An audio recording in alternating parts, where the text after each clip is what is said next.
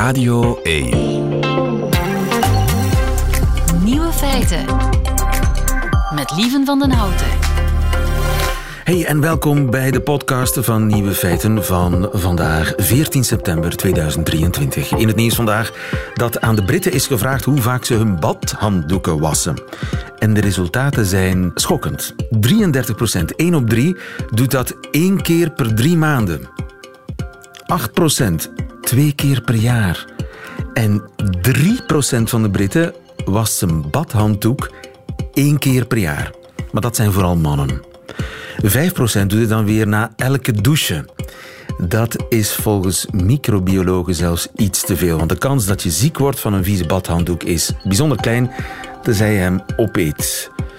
Maar het ideale is na drie of vier douchebeurten. Genoteerd. De andere nieuwe feiten vandaag. Een Amsterdams modemerk begint met statiegeld op kleren. In Amerika is onderzocht of het rugnummer van een voetballer invloed heeft op zijn prestaties en of in de liefde tegenpolen elkaar aantrekken. En kan ik nog een relatie beginnen als kankerpatiënt? Dat vraagt Annemie aan Rika Ponet. De nieuwe feiten van Bas Birker die hoort u in zijn middagjournaal. Veel plezier. Radio 1. Nieuwe feiten. In Nederland heb je niet alleen statiegeld op plastic flessen, maar sinds gisteren ook op kleding. Xander Slager, goedemiddag. Goedemiddag. Je bent oprichter van New Optimist. En New Optimist, dat is een eh, hip modemerk in Amsterdam. Jullie hebben gisteren de nieuwe najaarscollectie voorgesteld, maar meteen ook een nieuw systeem om statiegeld op kledij te vragen. Hoe werkt dat? Dat werkt dat je, als je iets koopt bij New Optimist, dat kun je overigens ook in België kopen, dus dat is hartstikke leuk. Uh, dan betaal je een klein bedrag statiegeld. Uh, en uh, bij dat, dat statiegeld zit op een QR-code. Dus die is gekoppeld aan een QR-code die in de kleding zit. en dat moet mensen motiveren om als de kleding na een aantal jaren nou, aan het einde van zijn gebruik is, dat het weer terugkomt bij ons. Uh, en dan krijg je statiegeld dus ook terug. Uh, en dan zullen wij zorgen dat dat kledingstuk gerecycled wordt. En op die manier, met dit systeem, geven we uh, de consumenten het heft in handen om kleding circulair te maken. Dat doen ze natuurlijk wel samen met ons, samen met onze partners. maar wij nemen als kledingmerk, wat alles trouwens in Amsterdam maakt, in ons eigen atelier nemen wij de verantwoordelijkheid om uh, ook alles weer terug te nemen. Okay. Uh, zodat het niet op de vuilnisbelt of in de verbrandingsoven of ergens wordt gestort in een, uh, in een land waar dat naar wordt geëxporteerd, wat vaak gebeurt. En dat statiegeld dat zit in een QR-code en die QR-code ja. dat staat op een labeltje dat in de kleding ja. is genaaid. Een soort waslabel eigenlijk. Ja. Ja, ja, ja. ja, zit als een waslabel erin. En uh, dat is gekoppeld aan, uh, aan de blockchain. Uh, waar je, als je dus het statiegeld-etiket scant, dan krijg je allemaal informatie over hoe wij dat product hebben gemaakt. En dat we het in Amsterdam hebben gemaakt. En dat het uh, uitleggen over het statiegeldsysteem. En hoe je daar duurzaam met het kledingstuk om kan gaan. Dus uh, het is een, wat ze noemen een digitaal productpaspoort. Ja, ja. Uh, dus die, die najaarscollectie die jullie gisteren hebben voorgesteld. Het ideaal zou zijn dat die 100% terugkeert. Dat jullie die ja. over een paar jaar helemaal weer terug hebben. Ja, ik denk niet dat het 100% gebeurt. Uh, maar uh, ja, wij zijn dit uh, bedrijf 2,5 jaar geleden begonnen als een start-up die, die een andere toekomst ziet voor de mode-industrie. En ons mantra is lokaal, sociaal en circulair. Ja, dat lokaal staat voor uh, toegankelijkheid. Je kan bij ons in het atelier op bezoek komen. Er belde net weer iemand uh, aan en die komt even kijken hoe dat nou allemaal gaat, dat uh, kleding hoe maken. De, en de naaimachines ratelen? Zeker, zeker. Ja, ik sta nu in een andere kamer, maar hier 10 meter vandaan draai je de productie. Ja. En de, de, de kleren die, ja, sociaal, lokaal, dat begrijp ik allemaal. Dus ik koop, want jullie verkopen ook in België. Jullie hebben partners in België, winkels die jullie kleren verkopen. Nou, nog niet, nog ah. niet. Nee, nee. Op, op het moment kun je in België alleen maar kopen via onze website. Oké. Okay. Uh, maar hoe krijg ik dan mijn, mijn, mijn statiegeld terug als ik het online gekocht heb? Ja, dan, dan moet je terugsturen. Oh ja. Dus, uh, maar we verwachten dat, uh, dat er steeds meer partners komen waar je dat in kan leveren. Als ik jouw kleren, jouw kleren van, als ik kleren van Nieuwe Optimist, als ik die tien jaar wil dragen, vervalt dan mijn statiegeld of blijft dat geldig? Nee, dat blijft geldig door die QR-code. Dus als die QR-code in die kleding blijft zitten, dat is wel een voorwaarde, anders kunnen we het niet herleiden tot uh, het statiegeld dat betaald is. Dan kan je dat inleveren bij New Optimist of de partners van New Optimist. Ja. En, we, hebben nog niet, niet gehad over de grootte van het bedrag. Is dat dan 1 euro? Is dat 10 euro? Het is uh, in, uh, in deze startfase is het 2,5 euro onder de 100 euro. En 5 euro tussen de 100 en 200 euro. En 7,5 euro voor items boven de 200 euro. Oké, dus dat is eigenlijk nog een klein bedrag. Ja, en wij denken eigenlijk zelf dat dat bedrag nog wel ietsje omlaag kan. Want het gaat natuurlijk wel, het gaat wel om dat je ziet dat dat bedrag betaald wordt. En het is uh, nou, het is in feite een borg voor de materialen, die, uh, de katoen die je in bruikleen hebt, zou je kunnen zeggen. De kleding heb je niet in bruikleen, maar het materiaal, dat willen we graag weer terug in die circulaire loop krijgen.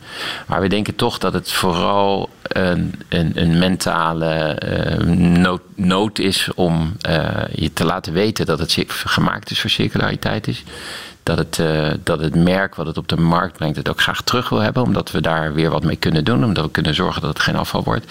En ik denk niet dat het ja, echt gaat om het geld terug te krijgen uh, als het bedrag hoger wordt bijvoorbeeld. Kijk, de, ik weet niet of jullie dat in België ook hebben. Maar de, de, de, de, het statiegeld op de flessen uh, is natuurlijk ook niet per se een heel hoog bedrag. Het is zoeken naar, zoeken naar het juiste bedrag, waardoor ieder geval uh, mensen weten dat je terug kan geven. En nou, dat het dan een beetje motivatie is om dat geld terug te krijgen, dat speelt ook een rol. En maken jullie daar echt weer nieuwe kleren van? Ja, wij gaan dat recyclen tot nieuw garen. En van dat garen maken we weer opnieuw stof. Wauw. Want ja. mijn kleren, als die versleten zijn, gooi ik die in zo'n kledingbak ja. gebruikte kleren.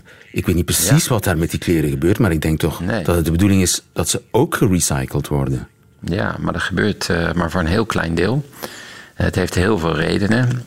Uh, en ja, de voornaamste reden is dat die, die industrie is niet lineair bedacht. Dus uh, daar ver weg in het begin van het proces en in een land waar dat geproduceerd wordt, zijn hele andere dingen belangrijk. En dat zijn vaak prijs en prijs is, heeft vaak tot gevolg dat het helemaal niet gemaakt is om te recyclen, maar dat er heel veel verschillende materialen in zitten. Uh, dus uh, ja, helaas, uh, ik, ik moet je eerlijk zeggen dat ik de percentages niet helemaal precies ken, maar ik denk aan 70, 80, 90 procent dat niet gerecycled wordt. En uh, daarvan komt ook een groot, wordt een groot deel ook verbrand of uiteindelijk gestort op, op vuilnisbelt. Ja. Dus ik, ik dacht voor een groot deel wordt dat verkocht in verre landen.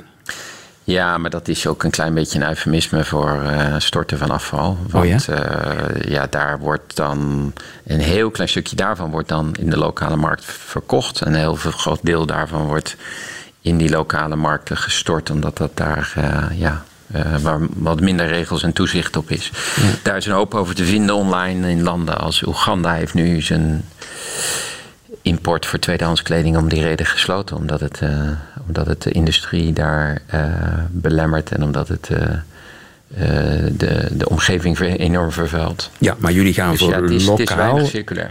Ja. En dus ook lokaal recycleren. Kan ik mijn kleren nog tweedehands verkopen? Ja, Met zo'n dat kan ook. Ja, zeker.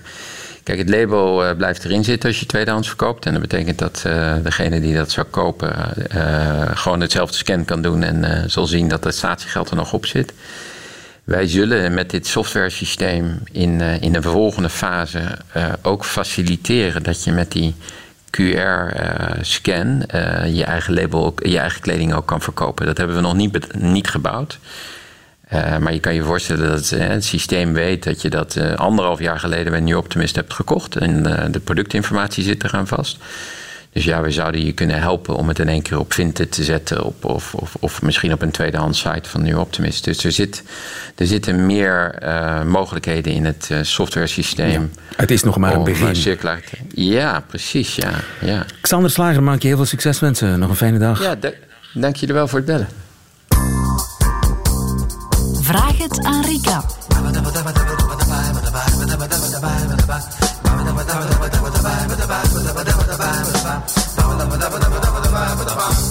En het is weer donderdag en dat betekent Rika-tijd. Goedemiddag, Rika Ponet. Rika en Lieventijd. Hè? Rika en Lieventijd, ja, maar jij bent de relatiedeskundige en de brieven zijn er uh, voor jou. Uh, ik leg de problemen gewoon op jouw bord. En het hm. probleem dat we vandaag uit de doos halen is het probleem van uh, Annemie. Annemie schrijft: Dag Rika, ik ben 51 en moeder van twee fijne opgroeiende dochters van 21 en 18 jaar. Ik ben bijna vier jaar geleden gescheiden, ben toen verhuisd en de kinderen zijn afwisselend bij mij en bij hun papa. Mhm. Het gaat niet om een vechtscheiding, we kunnen nog goed overleggen in verband met de kinderen. En nu, een jaar na mijn scheiding, leerde ik een nieuwe partner kennen waarmee ik meer dan twee jaar een relatie had. Tijdens die relatie kreeg ik totaal onverwacht het nieuws dat ik borstkanker heb, schrijft Annemie. Dat kwam aan het licht bij de bevolkingsscreening toen ik vorig jaar 50 werd. Het bleek om een invasieve tumor te gaan, maar gelukkig tijdig ontdekt. Er waren geen uitzaaiingen. Ja, dank u wel, hè, bevolkingsscreening. Ja, het werkt. zal wel zijn. Meedoen, ik, hè? doe, ik doe dat ook hoor. Ja. Mijn prognose was vrij goed, maar daarvoor moest ik wel chemo, een operatie, bestralingen en een lange revalidatie meemaken. Dat is allemaal gelukkig goed verlopen. Tijdens die revalidatieperiode liep mijn relatie ten einde. Dat had vooral te maken met het feit dat er in mijn ogen maar geen ruimte kwam om een relatie te hebben. Ja, dat kan ik me voorstellen, met al die chemo en, en bestralingen. Uh, ja, dat, uh, eigenlijk neemt dat alles in. Hè. Dat is, vanuit doodsangst wordt dat plots het thema in uw leven. Hè. Dat is een feit. Ja. Maar de brief gaat verder. In mindere mate speelde mijn ziekte een rol, hoewel ik dat ook niet helemaal kan uitsluiten. Vooral uh, voor mijn partner was dat uiteraard ook niet makkelijk. Ja, je kent elkaar twee jaar. Ja. Niet zo lang, hè. Goed, intussen ben ik een viertal maanden alleen. Na mijn oudste dochter gaat nu ook mijn jongste dochter op kot vanaf eind september. Het contact met hen is goed en ik gun hen absoluut dat ze hun vleugels kunnen uitslaan. Voor mij betekent het wel dat ik veel meer alleen zal zijn in de toekomst. Ik ben nu nog niet klaar voor een nieuwe relatie, maar op langere termijn zou ik wel graag opnieuw een duurzame relatie aangaan. Liefst eentje voor de rest van mijn leven, daar verlang ik heel erg naar. Afgewezen worden omwille van mijn ziekte, dat zou heel pijnlijk voor mij zijn, want ik ben zoveel meer dan mijn ziekte, die trouwens mogelijk gewoon achter me ligt. Alleen weet ik dat niet zeker. Mijn vraag, ook al is mijn behandeling goed verlopen en is mijn prognose vrij goed, ik blijf wel kans hebben op slecht nieuws de komende jaren. Eén op vijf vrouwen, in mijn geval, hervalt binnen de vijf jaar. En met mijn type tumor zou dat heel slecht nieuws zijn.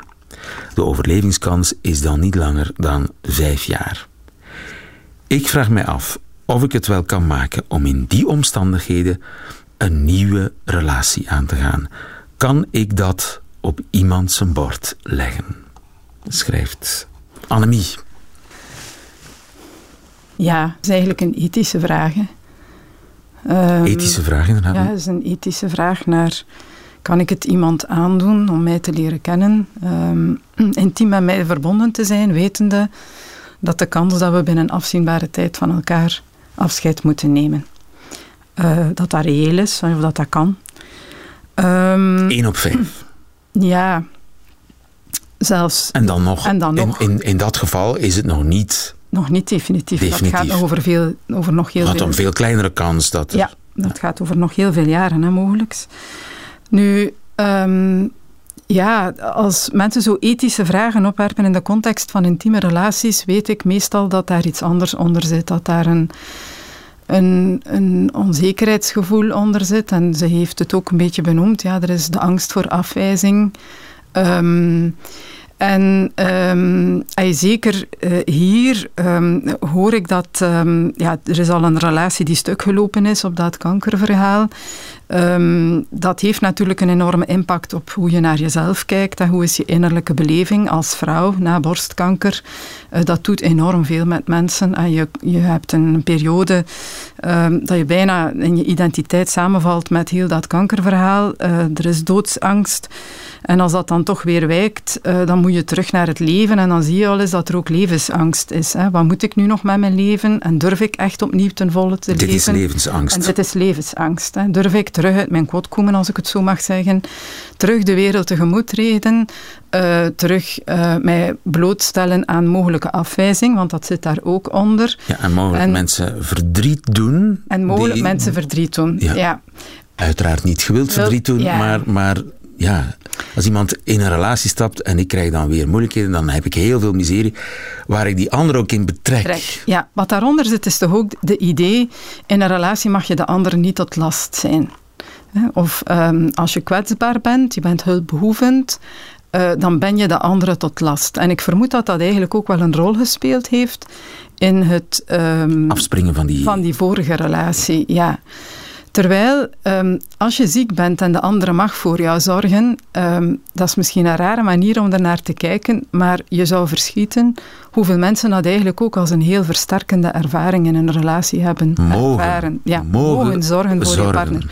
Omdat die partner jou toelaat. Hè. Dat gaat eigenlijk over iets heel intiem. In je meest kwetsbare zijn Um, laat je de andere er voor jou zijn. Het feit dat je dat niet aandurft, hè, of dat je daaruit terugtrekt, ja, is omdat je ergens de overtuiging toegedaan bent. Uh, ik ben ja, op zo'n moment niet liefdeswaardig. Ik kan het bijna zelfs niet verdragen om die andere toe te laten, om die intimiteit toe te laten.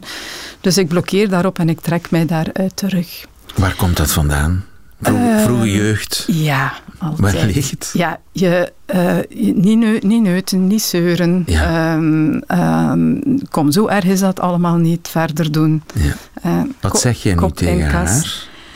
Um, durf te leven? Durf te leven. En ook, um, ze heeft ook andere intieme relaties. Ik denk niet dat ze aan haar kinderen zegt, weet je, meisjes... Um, kom maar niet te veel op bezoek. Kom maar niet te Zie veel mij op niet bezoek. te graag. Zie mij niet te graag. Ja. Uh, uh, ik trek er hier de stekker uit, want ik wil eigenlijk voorkomen dat jullie mij te graag zien. Want stel dat ik binnen dit en zoveel jaar er niet meer ben, het verdriet dat ik jullie ga aandoen. Dat is te Ja. gek, het is te gek voor woorden, Ja. als je dat zo omschrijft.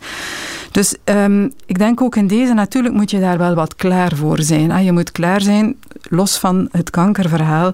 Daten als je in de 50 bent, weet je, iedereen brengt een rugzak mee. Hè. Dat is ook een hele belangrijke om te beseffen. En um, je moet een beetje zelf ook wel je rugzak kennen en daar wat vrede mee hebben. Het omarmen van een kankerverhaal, dat klinkt bijzonder positief. Ik denk dat dat eigenlijk wel ook een enorme stap is. Maar er is de acceptatie van het is een deel van wie ik ben vandaag. En daarmee um, vat ik dan ook um, een datingtraject aan. Um, dat kan. Je hoeft geen zekerheid te geven aan de andere. En laat de andere ook zelf eens een keuze maken. Hè. Waarom zou jij al op voorhand een drempel inbouwen naar... Um, ja, het, het, is alsof dat jij een selectie maakt voor de andere. Uh, en jezelf al afwijst op voorhand. Um, laat dat eens even bij de andere liggen. Doe je verhaal. Wat merken wij heel vaak? Want ik krijg wel wat dames langs, ook in die levensgroep. Um, er zijn mensen die u daarop afwijzen, maar eigenlijk weet je het dan ook vrij snel. Zie dit misschien ook, het is een rare manier opnieuw om ernaar te kijken, maar er zit ook een aspect van winst aan in een datingcontext. Iets heel kwetsbaar. Um, je haalt er ja, de parvenu's uit. Absoluut, direct, hè, lieven. Ja. ja. Um, als jij dit deelt, en dat is iets heel kwetsbaar, en de ander komt op zijn beurt met iets heel kwetsbaar, waardoor jullie op dat moment een gevoel van verbinding ervaren, dan weet je direct dit is een man met wie ik hè, uh, zinvol verder kan daten. Hè, want die bewijst dat hij een vorm van emotionele stabiliteit heeft en de flexibiliteit heeft om op mij af te stemmen.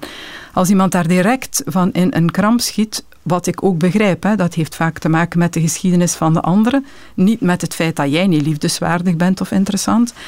Uh, dan weet je het ook. Dit heeft geen zin. En als we ooit later in de relatie voor een groot probleem zullen komen te staan, wat er altijd komt in relaties, dan zal dit ook de reactie zijn. Dus je krijgt eigenlijk al vrij vroeg in het daten de kans om iets ja, groot toch te delen met de anderen. En op die manier kom je ook te weten, ja, uh, hoe kan ik die andere inschatten? En is dit eigenlijk uh, zinvol om daarmee verder te gaan? Ze hoeft zich daar nu niet direct op te gooien op die datingmarkt, maar bijvoorbeeld al eens een site bekijken of met mensen daarover praten, lijkt mij een hele goede eerste stap. Hè? En wat los proberen te komen van wat eerst een ethische vraag lijkt te zijn, maar waar ik van overtuigd ben dat het gaat over een diepe angst uh, om niet te voldoen, om niet liefdeswaardig te zijn uh, voor die anderen. Annemie, dankjewel voor je brief. Ik hoop dat we jou uh, iets hebben bijgebracht. Als er mensen zijn met uh, vragen voor Rika Ponet, die vragen zijn natuurlijk zeer welkom op uh, nieuwefeiten.radio1.be. Dankjewel Rika, tot volgende week. Ja.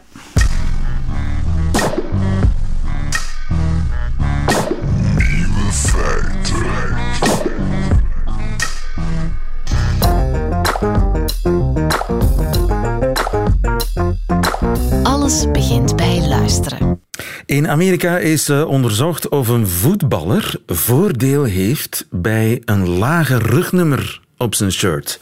Jelle Dumanet, goedemiddag. Goedemiddag. Je bent uh, cognitief neurowetenschapper en onderzoeker aan de HOWEST, de Hogeschool West-Vlaanderen. Ik, vind dat, ik vind dat een rare gedachte om dat te onderzoeken. Hoe komen ze erbij om dat te onderzoeken? Lager rugnummer maakt sneller. Ja, ze hebben dat eigenlijk onderzocht bij American football spelers. Dus eigenlijk meer het, het Amerikaanse rugbyspel. Um, dat was eigenlijk tijdens COVID. Hadden ze wat uh, onderzoekers over, blijkbaar, aan de Universiteit van uh, Californië, uh, Los Angeles.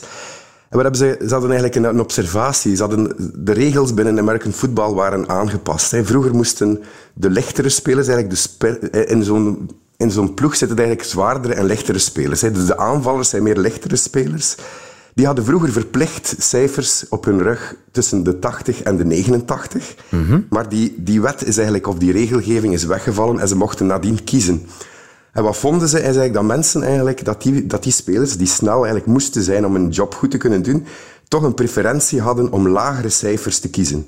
En dat viel, dat viel op, dus ze hebben dat eens bevraagd. En ze zeiden, ja, die mensen, ze, uh, ik, voel, ik voel mij lichter, zeiden ze, als ik een uh, laag uh, rugnummer heb. Ah ja, dus dat dus- was een opmerkelijke vaststelling die ze dan eigenlijk ook verder onderzocht hebben. Dat zijn die kerels die met die bal in de hand zo snel mogelijk over de doellijn moeten lopen. Ja. Die moeten vooral heel snel dus kunnen de aanvallers, spurten. De lopers. Ja. Uh, ja. En die denken dat ze voordeel hebben bij een lager rugnummer. En nu hebben ze die kwestie onderzocht. Hoe hebben ze dat aangepakt?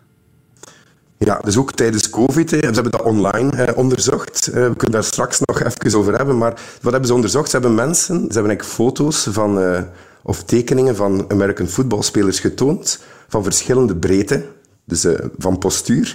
Met verschillende rugnummers. En ze hebben die laten inschatten hoe, hoe, hoeveel dat die eigenlijk wogen en hoe groot dat die waren. Ah, ja. En wat vonden ze? Dat, dat, dat vooral het rugnummer uh, ook een, een, effect heeft op hoe groot dat die werden ingeschat. Door Natuurlijk de gewone mensen. Ze hebben dat gewoon online Door, gecheckt. Ja, ze hebben dat online gecheckt op gewone mensen. Dus de perceptie van een andere persoon hangt dus wel degelijk af van het rugnummer uh, dat die persoon op zijn uh, t-shirtje heeft staan. Ah ja, en dus 19 weegt zwaarder dan 18. Is het zo precies? Het is zo precies, ja. Zelfs één, één uh, cijferverschil had een effect in hun studie. En hebben we daar een verklaring voor? Want dat is toch, dat is toch ja, absurd. Dat is textiel. Dat is, dat is een symbool. Ja, er is daar een verklaring voor. Um, dat toont eigenlijk mooi aan hoe dat onze hersenen werken. Als, wij, als wij bijvoorbeeld naar de winkel gaan, dan worden wij constant getraind dat een lager cijfer iets lichters uh, weerspiegelt. Een uh, zak aardappel bijvoorbeeld van uh, 1 kilogram, hè, waar er dan 1 op staat, is natuurlijk lichter dan een zak aardappel van 5 kilogram. Dus doordat wij dat doorheen ons leven constant uh, aangeleerd krijgen, in ons, ja, met de ervaring met, met onze wereld, gaan wij dat eigenlijk ook gaan internaliseren. En gaan we dat dus blijkbaar ook onze perceptie van zaken ook in de omgekeerde richting gaan, gaan aanpassen. Nou ja, dus Radio 1 weegt lichter dan Radio 2. ja, Bij wijze van inderdaad. spreken. Maar misschien is het ook zo, hè, in de hoofden van de mensen. Dat Radio 2, dat dat iets dikkere mensen... Allee, dikkere mensen natuurlijk niet, maar dat, dat die radio dikker is op de een of andere manier. Ja, als wij ook eh, onderzoekers zouden over hebben, de volgende, de volgende Het is wachten op de volgende pandemie. Gaan onderzoeken. Om dat te onderzoeken. Hopelijk niet, nee. Ja.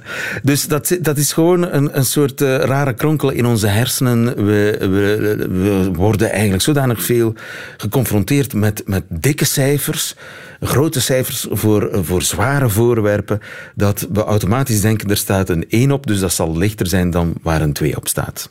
Ja, ja, en dat toont ook mooi aan hoe dat onze hersenen eigenlijk werken. Hè. We hebben dat ook op, in andere studies gezien. Uh, onze hersenen zijn lui. Mensen zijn lui. Uh, en als, als onze hersenen shortcuts zien om onze wereld te begrijpen, dan, gaan ze dat, dan, gaan ze dat, uh, dan wordt dat eigenlijk gebruikt. Ja. dus, en ja, dat kan bijvoorbeeld ook gelinkt worden met, met vooroordelen. Hè. Dus als wij snel een beslissing kunnen nemen, dan gaan we dat doen, al is die niet altijd correct. Ja, ja. Zo ontstaan vooroordelen, ja. natuurlijk. Nu, uh, dit onderzoek toont aan dat de perceptie breed gedragen wordt van die zwaardere, uh, hogere cijfers. Maar de vraag is natuurlijk, lopen ze ook daadwerkelijk sneller? Nee. Dat is, dat is effectief een, een nadeel van deze studie. Ze hebben eigenlijk mooi terug kunnen aantonen dat cijfers gelinkt zijn met perceptie van grootte. Maar ze hebben eigenlijk niet rechtstreeks onderzocht of dat het ook effectief een invloed heeft op uw eigen perceptie, zoals ze anekdotisch eigenlijk van die spelers hebben gehoord. En ook niet of dat die mensen ook effectief eh, sneller liepen of niet. Dus dat, kan, allee, dat zou een heel interessant vervolgonderzoek zijn natuurlijk van, van, uh, van zo'n studie. Ja. Dus uh, misschien... Ja, Want geloof verzet bergen, hè? Geloof verzet bergen, dus ik denk wel dat er een mogelijkheid is dat dat, dat, dat effectief uh, werkt. Hè. Um, maar allee, uit de empirische bevindingen van deze studie zouden we dat nu niet kunnen concluderen, maar het kan wel uh, onderzocht worden en het, ik denk dat, het, dat er waarschijnlijk wel een, eh, een waarheid uh, in zit. Ja, we wachten af op uh, interessant vervolgonderzoek. Jelle de Manet, dankjewel. Goedemiddag. Ja, graag gedaan.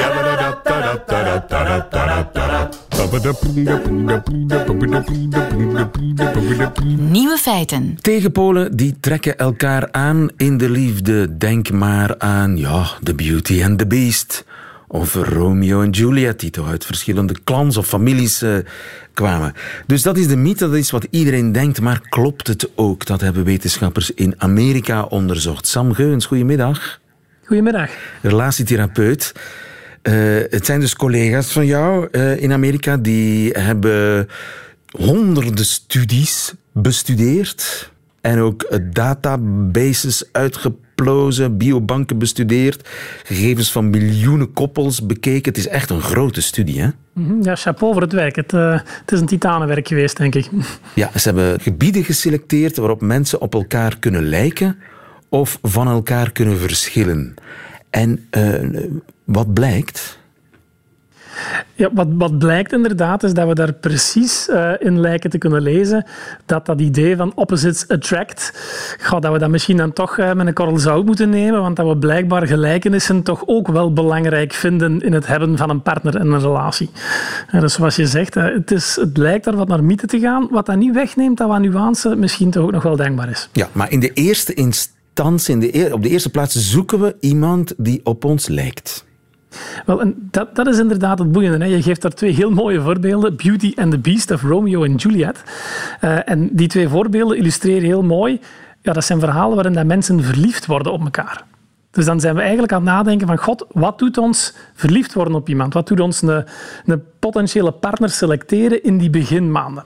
Terwijl als je kijkt naar de studie waar dat ongelooflijk veel data verzameld is, dan hebben ze data verzameld eigenlijk niet van dat van die koppels die verliefd aan het worden zijn op elkaar, maar zijn ze eigenlijk gaan kijken naar mensen in een stabiele relatie of toch in een langdurige relatie. Men heeft gekeken naar samenwonenden, naar getrouwden, naar co-ouders, naar verloofden.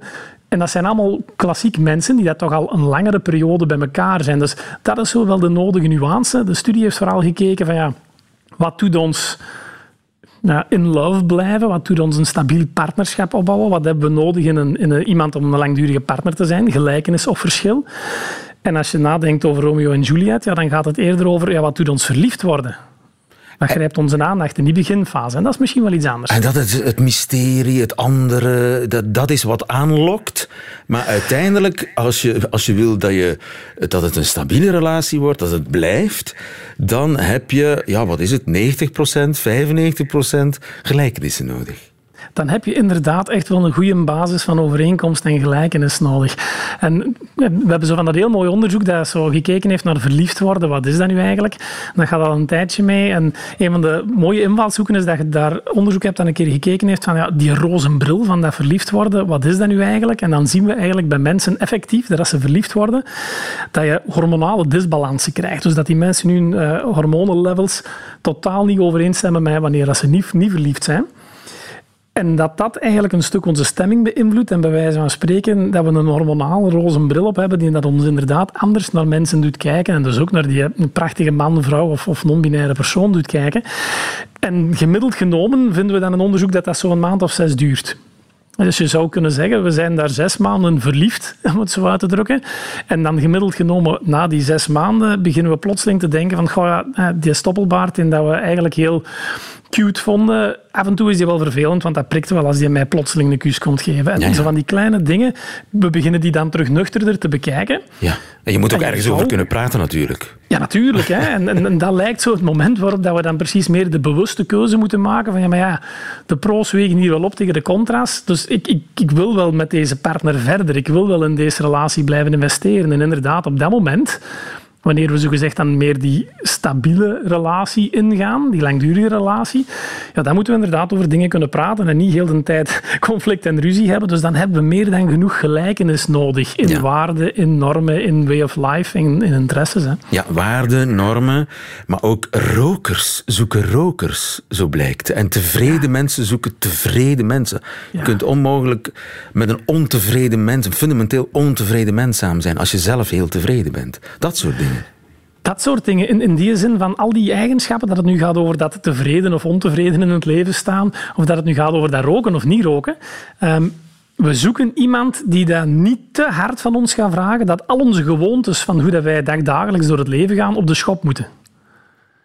Dus in die zin van, ja, als, als die roker die dan een andere roker tegenkomt, ja, die ziet daar een bestanddeel van zijn dagdagelijkse routine, zijnde dat roken, wat x aantal keren per dag gebeurt. Ja, dat is thuiskomen, hè? Ja, gemakkelijker aanvaard worden.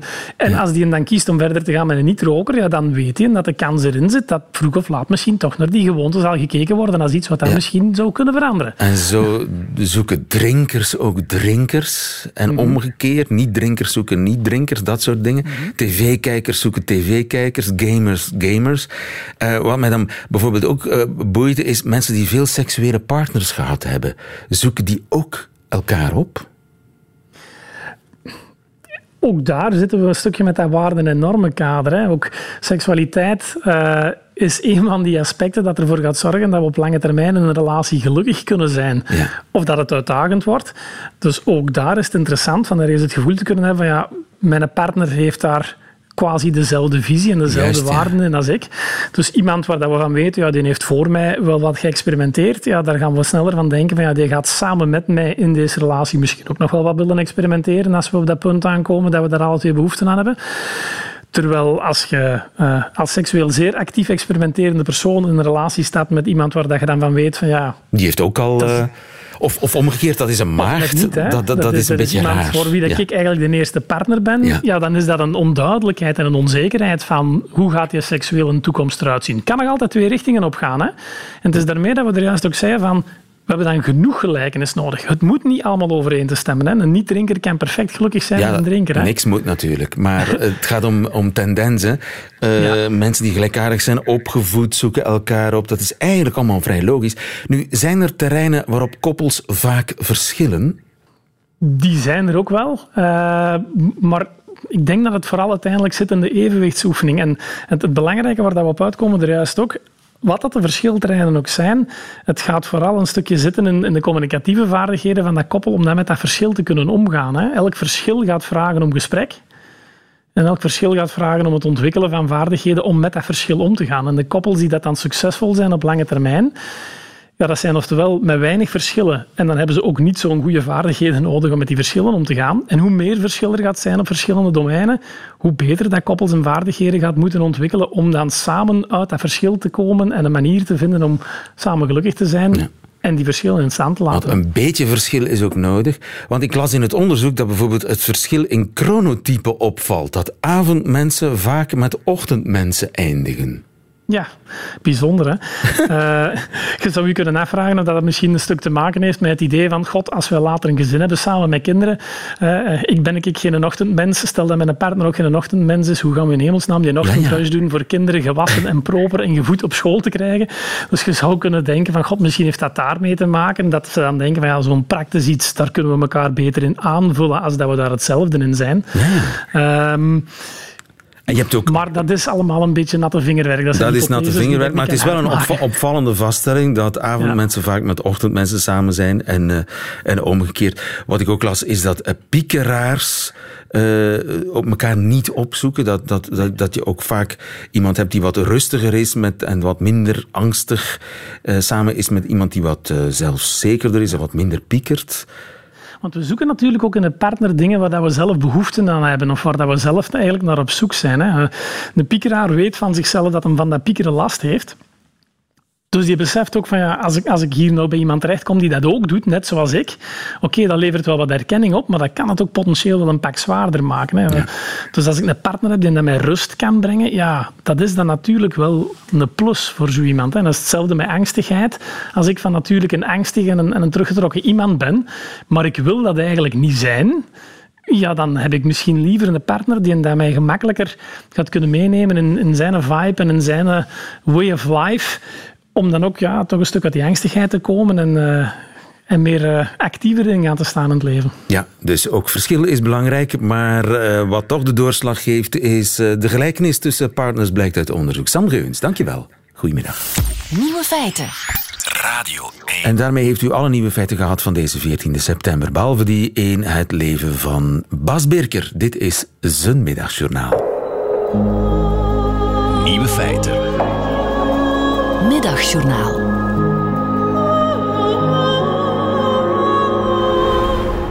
Liefste landgenoten. Stel, je woont in Zevenkoten, Keiem of Ramskapelle en vraagt aan je moeder wat jullie gaan doen. Zij antwoordt dat jullie naar de stad gaan. In je hoofd zie je jezelf flanerend in Barcelona, Parijs of desnoods Antwerpen. Maar een kwartier later sta je in Middelkerken. Een nachtmerrie? Misschien.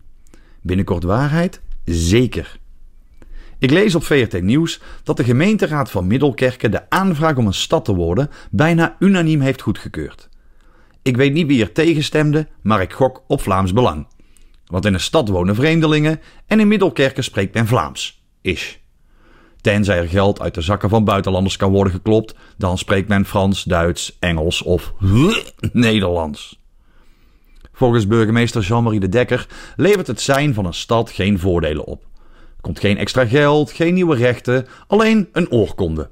Ik wil daar nog wel een trofee bij doen. Zo'n glimmende van sportprijzen Ronnie. Slogan: Met een beker van Ronnie heeft iedereen gewonnen.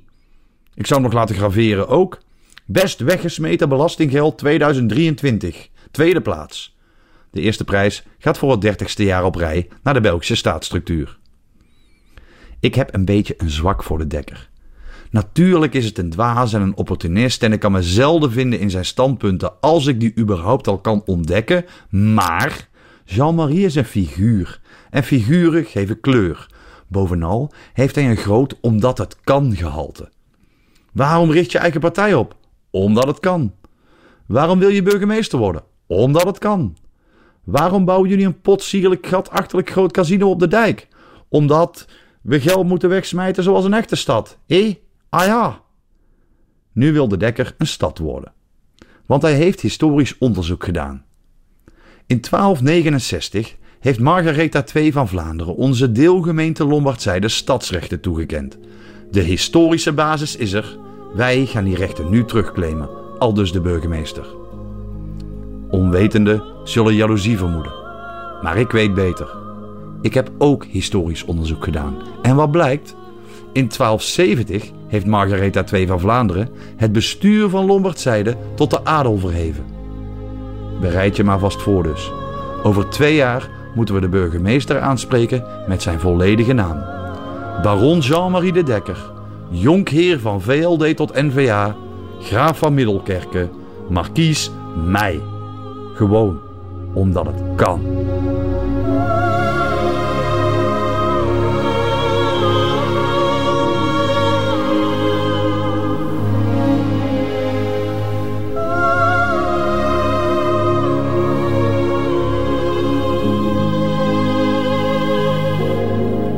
Het middagjournaal van en met Bas Birker. Einde van deze podcast. Hoort u liever de volledige nieuwe feiten met de muziek erbij. Dat kan natuurlijk elke werkdag tussen 12 en 1 op Radio 1 of on demand via de Radio 1 app of website. Tot een volgende keer.